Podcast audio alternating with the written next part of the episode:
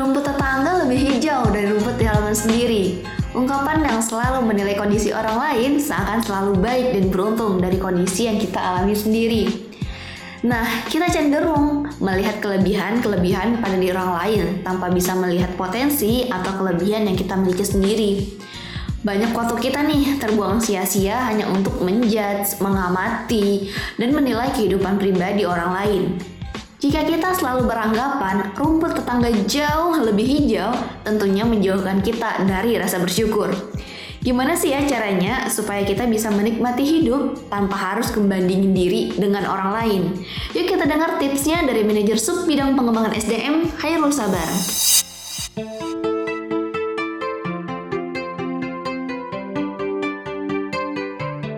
Pernah nggak sih ngerasa galau pas tahu kawan kita nongki asik, tapi kita cuma rebahan di kos-kosan. Pernah ngerasa gagal banget gara-gara nggak ikut ngasih surprise ulang tahun sohib di kantor. Atau ngerasa jadi orang paling kudet kalau nggak punya gadget keluaran terbaru. Yes, kalau perasaan itu muncul di momen-momen tersebut, berarti kamu sedang mengalami yang namanya fear of missing out atau FOMO.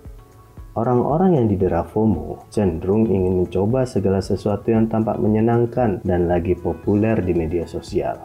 FOMO juga merujuk pada perasaan cemas kalau kelewatan momen bersenang-senang bersama circle pertemanan. Terlebih, menurut studi dalam jurnal Science Research menemukan fear of missing out lebih rentan dialami oleh laki-laki maupun perempuan dari generasi milenial. Nah, lo terus peneliti psikologi di UK menyatakan nih bahwa FOMO memiliki dampak buruk terhadap kesehatan mental. FOMO bisa menyebabkan perubahan suasana hati yang ekstrim, kesepian, rasa minder, gelisah, depresi, dan persepsi negatif. Gangguan ini kian relevan di zaman now, which is era internet, di mana kondisi yang memperlihatkan ketidakberdayaan kita untuk nggak berhenti mengonsumsi apa yang terpampang di media sosial. Namun, kecemasan dan adiksi yang disebabkan FOMO bukan berarti nggak memiliki obat loh. Terdapat joy of missing out atau JOMO yang menjadi antitesis yang mengajak kita menemukan esensi hidup yang lebih berarti. Jomo adalah istilah agar seseorang bisa hidup lebih santuy, menerima dan mensyukuri keadaan mereka, hidup lebih sehat, dan tidak terobsesi untuk mengikuti tren zaman now yang ada di media sosial. Kuncinya adalah menahan diri dan belajar untuk tak selalu memperdulikan hal-hal yang tengah trending. Dalam Psycholog Today, terapis depresi klinis K. Fuller menjelaskan cara praktis untuk menerapkan JOMO dalam kehidupan sehari-hari.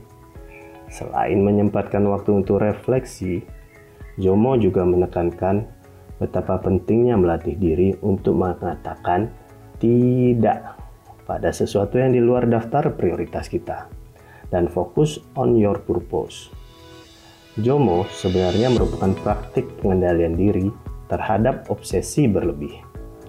Namun perlu digarisbawahi, Jomo nggak menuntut kita buat totally terlepas dari koneksi media sosial, melainkan hanya mengarahkan untuk dapat menetapkan batasan waktu penggunaan media sosial setiap harinya.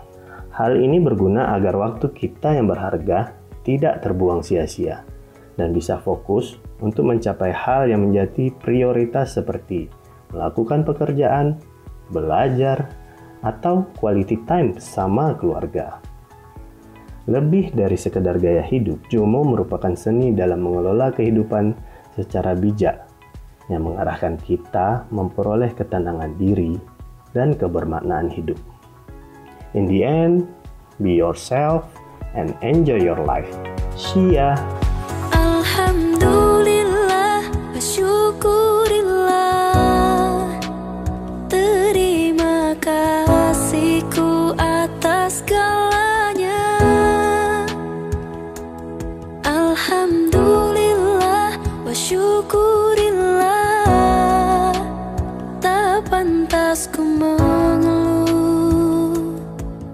Kau telah beriku segalanya Nah, gimana nih teman-teman? Mudah-mudahan mulai hari ini kita bisa lebih bersyukur ya. Ayo nikmati hidup tanpa harus membandingin diri dengan orang lain. Saya Dea, sampai ketemu di podcast selanjutnya. Bye.